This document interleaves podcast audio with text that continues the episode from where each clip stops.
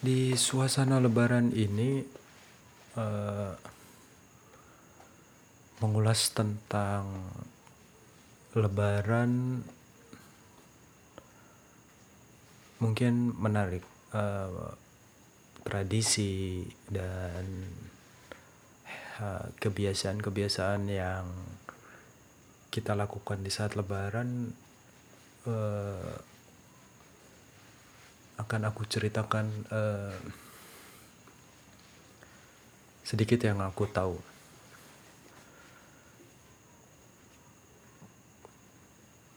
Lebaran tahun ini akan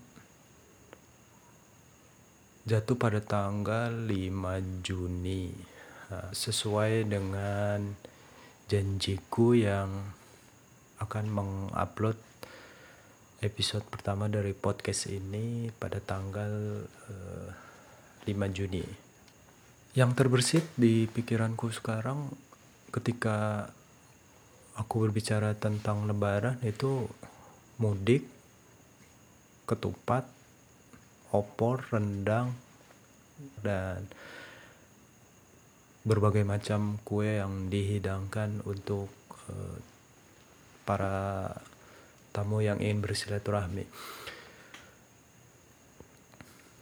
Uh, mudik deh, uh, mudik menurutku hal yang identik dengan Lebaran, baik itu Idul Fitri maupun Idul Adha.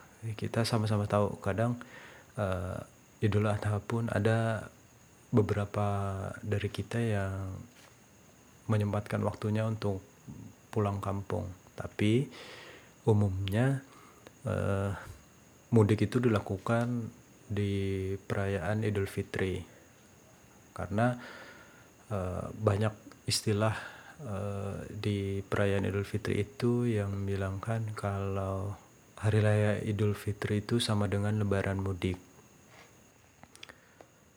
Kenapa sih ada mudik? Tradisikah atau memang sudah menjadi kebiasaan?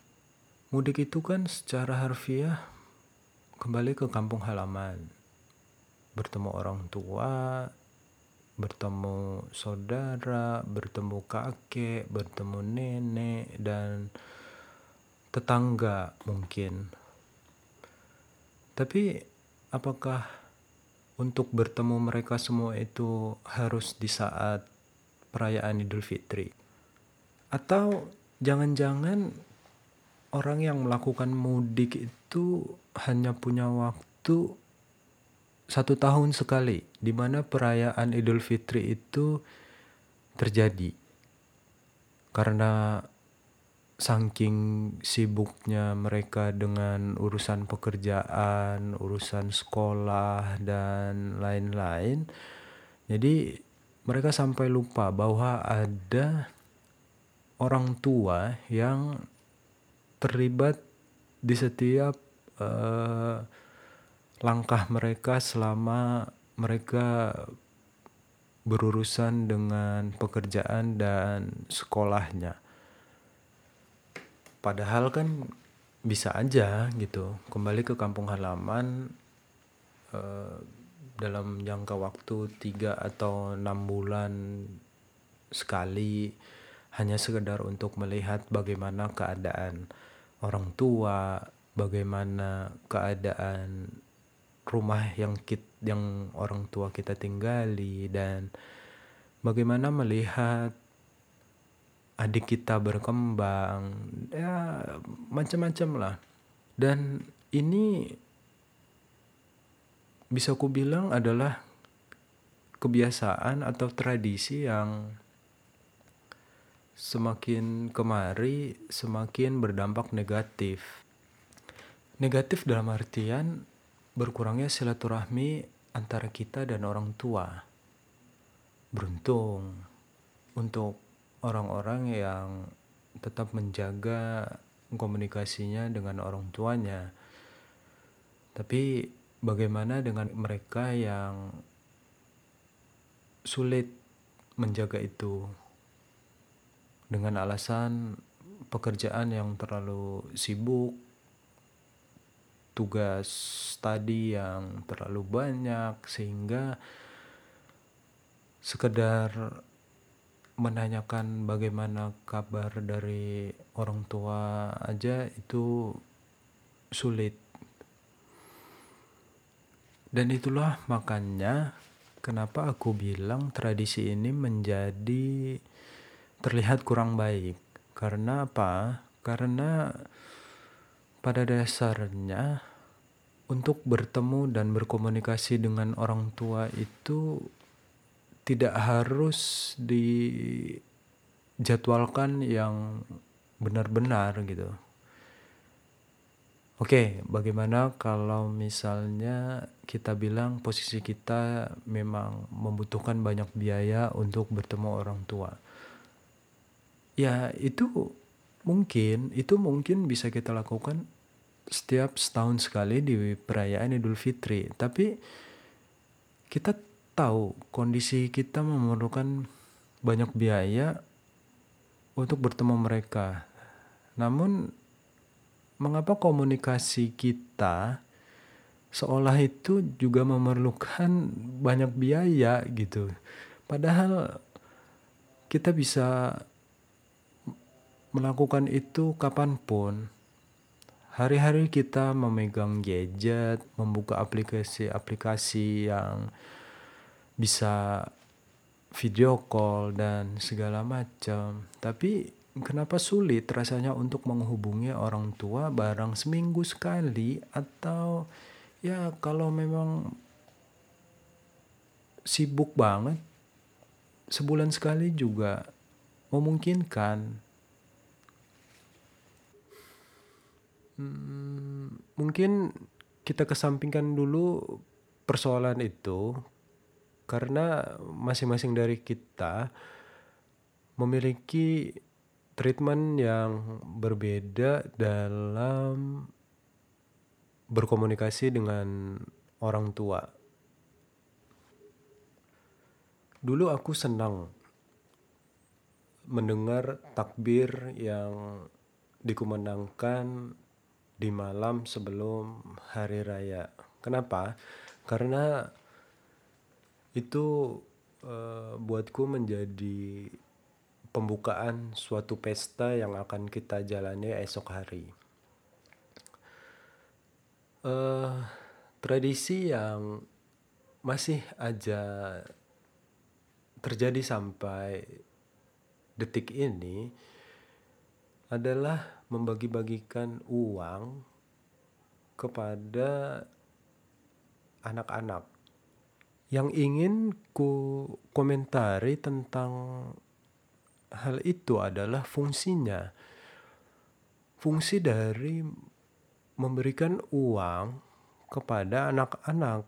Apakah kita tidak pernah berpikir uh, untuk apa uang itu mereka gunakan? Oke, okay, itu mungkin untuk kesenangan mereka mereka membandingkan antara satu dengan yang lain uh, berapa uang yang mereka dapatkan dari bersalam-salaman.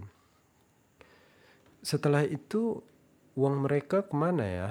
Apakah mereka benar-benar memegang uang itu secara utuh atau uang mereka diminta oleh orang tuanya dengan alasan biar disimpan dan biar nggak beli macam-macam. Jika teman-teman mendengarkan secara seksama, sebelumnya aku bilang uh, bahwa anak-anak tersebut akan membandingkan berapa hasil yang mereka dapatkan dengan eh, anak-anak yang lain. Dan sadar atau tidak itu akan terbawa sampai mereka dewasa. Mereka nantinya akan membandingkan berapa pendapatan yang mereka dapatkan dari uh, pekerjaan mereka apakah salah. Akhirnya mereka menjadi seperti itu. Aku rasa enggak. Kenapa? Karena sebenarnya kita lah sebagai pemberi yang harus bertanggung jawab akan hal itu. Percaya atau enggak percaya, anak-anak yang sudah menjadi dewasa itu akan melakukan hal yang sama yang pernah kita lakukan dan ini tidak akan bisa terhenti kalau tidak ada yang uh, mulai untuk mengurangi kebiasaan-kebiasaan seperti ini. Ini yang membuatku bingung. Siapa yang memulai? Siapa yang melakukan ini pertama kali dan di mana negara yang melakukan itu? Apakah di negara kita ini memang sudah sejak dahulu ada hal seperti itu atau memang eh, budaya yang akhirnya menjadi kewajiban. Sewaktu aku masih kecil, SD, SD kurang lebih tepatnya, aku selalu diiming-imingi jika aku bisa berpuasa full sebulan penuh selama Ramadan, aku akan diberi hadiah. Dan aku nggak tahu hadiah itu apa. Dan ternyata setelah Hari Raya Idul Fitri, banyak uh, yang kudapatkan seperti sepatu, baju, baju pun berbeda-beda. Ada yang baju untuk dipakai di sholat Idul Fitri nanti dan baju yang dipakai untuk bersilaturahmi uh, ke rumah sanak saudara atau tetangga sekitar. Saat itu aku merasa bahagia karena jika aku bisa menjalankan uh, ibadah puasa di bulan Ramadan itu secara full, maka aku akan mendapatkan lebih banyak hadiah dari kedua orang tuaku. Namun lama-kelamaan aku mulai merasa bahwa ibadahku itu menjadi satu hal yang ganjil gitu. Maksudnya di saat itu entah kenapa aku mulai berpikir bahwa kalau aku beribadah hanya berharap hadiah, untuk apa? Untuk apa aku melakukan ini? Dan semakin kuperhatikan kedua orang tuaku pun sudah mulai jarang menyebutkan kalimat-kalimat sakti itu, kalimat-kalimat yang buat anak-anak kecil itu menjadi uh, keajaiban. Kalau puasanya full nanti ayah kasih ini, nanti ibu kasih ini. Itu menurutku adalah kalimat sakti kalimat yang bisa men-trigger uh, anak-anak kecil untuk menahan haus dan lapar di puasa Ramadan. Lantas bagaimana supaya kebiasaan-kebiasaan itu uh, tidak terus-menerus uh, terulang? Paling tidak kita coba untuk mengurangi, mengurangi kebiasaan-kebiasaan yang akhirnya memberatkan uh, orang-orang yang ada di uh, sekitar. Memberatkan orang sekitar itu maksudnya bukan uh, terbebani hanya dengan memberikan uang kepada uh, anak dari sepupu kita, anak dari kakak kita, anak dari abang kita atau siapa pun lah. Tapi lebih ke terbebankannya orang yang ingin kembali ke kampung halaman untuk bersilaturahmi. Teman-teman mungkin ada beberapa yang hidupnya berkecukupan, bekerja hanya untuk ya mengisi waktu luang atau uh, sekedar memanfaatkan uh, apa ya ijazah yang sudah didapatkan bertahun-tahun. Tapi ada beberapa orang yang di saat hari raya mereka itu berpikir keras, berpikir untuk bagaimana agar tidak terlihat tidak berkecukupan dan bagaimana biar terlihat sukses. Hmm, buatku itu jadi satu masalah karena sejatinya orang yang kembali ke kampung halaman tidak perlu menunjukkan bagaimana dia di luaran sana ataupun yang tidak uh, berada di luaran sana dan merayakan Idul Fitri di daerahnya sendiri itu juga sama. Tidak perlu menunjukkan bagaimana pencapaian yang sudah mereka lakukan. Hal itu memang tidak bisa dihindari karena kita sebagai manusia memiliki sifat-sifat yang berbeda. Ada yang ingin menunjukkan bahwa dia sudah berhasil, ada yang tidak mau menunjukkan siapa dia dan apa yang sudah dia lakukan ya macam-macam. Itu menunjukkan bahwa kita sebagai manusia sangat butuh pengakuan. Namun kenapa sih harus di momen Idul Fitri? Apa karena semua berkumpul di situ? Makanya kita jadi ingin menunjukkan bahwa aku udah berhasil loh aku udah bisa beli ini loh aku udah bisa beli itu loh. Dan akhirnya mereka yang melihat kita seperti itu uh, seolah membuat diri kita seperti raja seperti ya oh abang itu kakak itu udah ini loh. Dan akhirnya kita dibanding-bandingkan lagi oleh uh, anak-anak dari uh, om kita, dari tante kita, dan itu itu momen hari raya rusak gara-gara hal-hal yang sifatnya egosentris. Kembali terjadi perbandingan.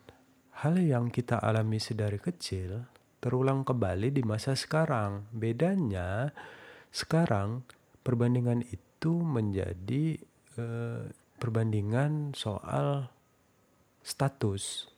Status yang sebenarnya tidak terlalu penting. Karena apa? Karena itu cuma status di dunia. Status yang ya nilainya cuma ada di dunia. Hmm, akan lebih baik jika di momen seperti itu kita sama ratakan siapa diri kita dan siapa mereka tidak perlu kita menunjukkan apa yang sudah kita lakukan dan pencapaian-pencapaian apa yang sudah kita capai di momen yang sejatinya itu adalah momen untuk bermaaf-maafan, momen di mana kita saling tegur sapa, kita saling bercerita tentang bagaimana sih masa kecil dulu, bagaimana sih uh, kehidupan di sini, bagaimana sih kehidupan di sana. Bukan menceritakan tentang uh, hasil, karena jika kita menceritakan hasil, orang akan menghormati kita karena hasil, bukan karena proses jangan pernah kita jadikan hari raya itu menjadi hari berpamer ria. Karena akan sia-sia ibadah yang sudah kita lakukan selama bulan Ramadan jika kita melakukan hal tersebut.